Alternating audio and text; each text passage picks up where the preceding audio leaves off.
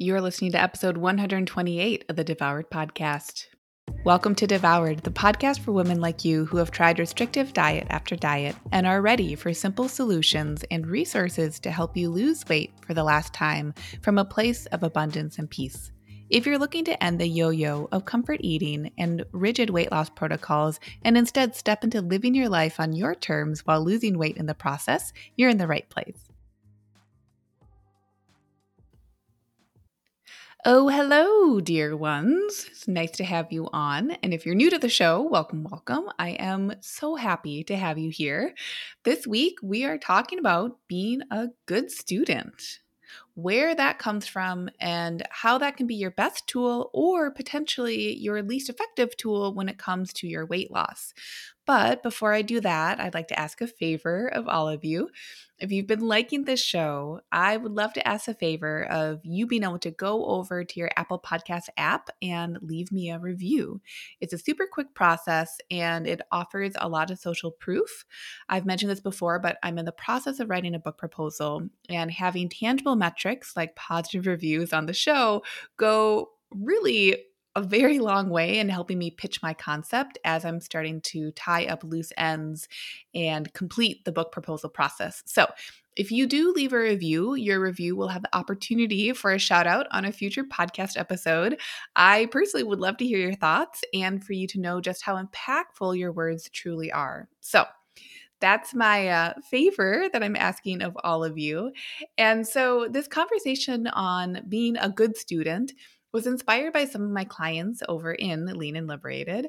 Uh, and for anyone who's new here, Lean and Liberated is a six month group coaching program that I walk women through. Uh, and these are women who are looking to lose over about 20 pounds in a way without, you know, restrictive diets, etc. All the stuff we talk about here on the show. So, this conversation with some of my clients in uh, Lean and Liberated, a few of them had identified on a recent group coaching call that they have experienced frustration that I won't give them gold stars or A's or A pluses, etc., for their progress and work.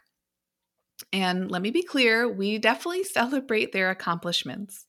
And usually, what we find in this program is that the accomplishments become so much more than just the sole focus on a scale number. A lot of what we talk about in the video modules, in private coaching and group coaching, and even the email coaching isn't about weight. it's not about weight loss, it's about their lives and how we're living our lives and how we're coming to things like our thoughts and feelings, what we're noticing with our patterns and habits, where we feel flow, why that is, etc. So, what we're doing in the program is actually practicing how to move beyond accomplishing for the sake of accomplishing.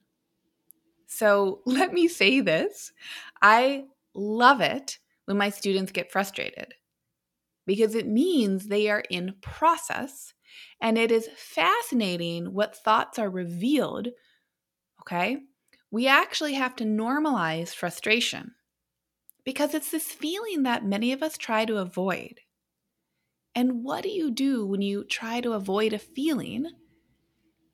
You engage in a habit usually having a snack, checking the phone, doing a quick chore because you're stuck at home maybe emotionally dumping on someone, shooting a quick text. While these are all fine and completely normal habits, they can be used to default on our emotions. So we don't feel that uncomfortable emotion that we might be starting to feel. We try to do something else. And if you think about the concept of a good student, I think many of us try to be good students. I include myself here. And our definition of what a good student, quote unquote, what good students do is extremely brittle, I've come to find. But also, as always on the show, we got to talk about the gray area, and we always need to understand context. So, coming to be a good student at some point in someone's life was really important for them. Maybe it was the best part of your day when the teacher acknowledged you. Maybe it was a way to keep evenings calm around the dinner table when you came home with good grades. Maybe you learned not so nice beliefs about yourself from others and you proved them wrong by being the good student. So I need you all to know today that we come to our habits innocently. And so part of working through doing things right is creating the safety of being with these thoughts. We don't need to scrub away what we once did. There's total merit and awesomeness in being the good student, even if that came from trauma, big T or little t trauma. How beautiful that we became a good student.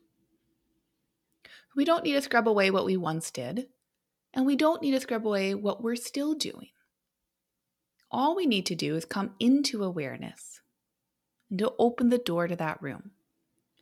We check it out a bit, see how it feels in there. And here's the key we don't judge the feeling when we're seeing how it feels in there, we just let it be.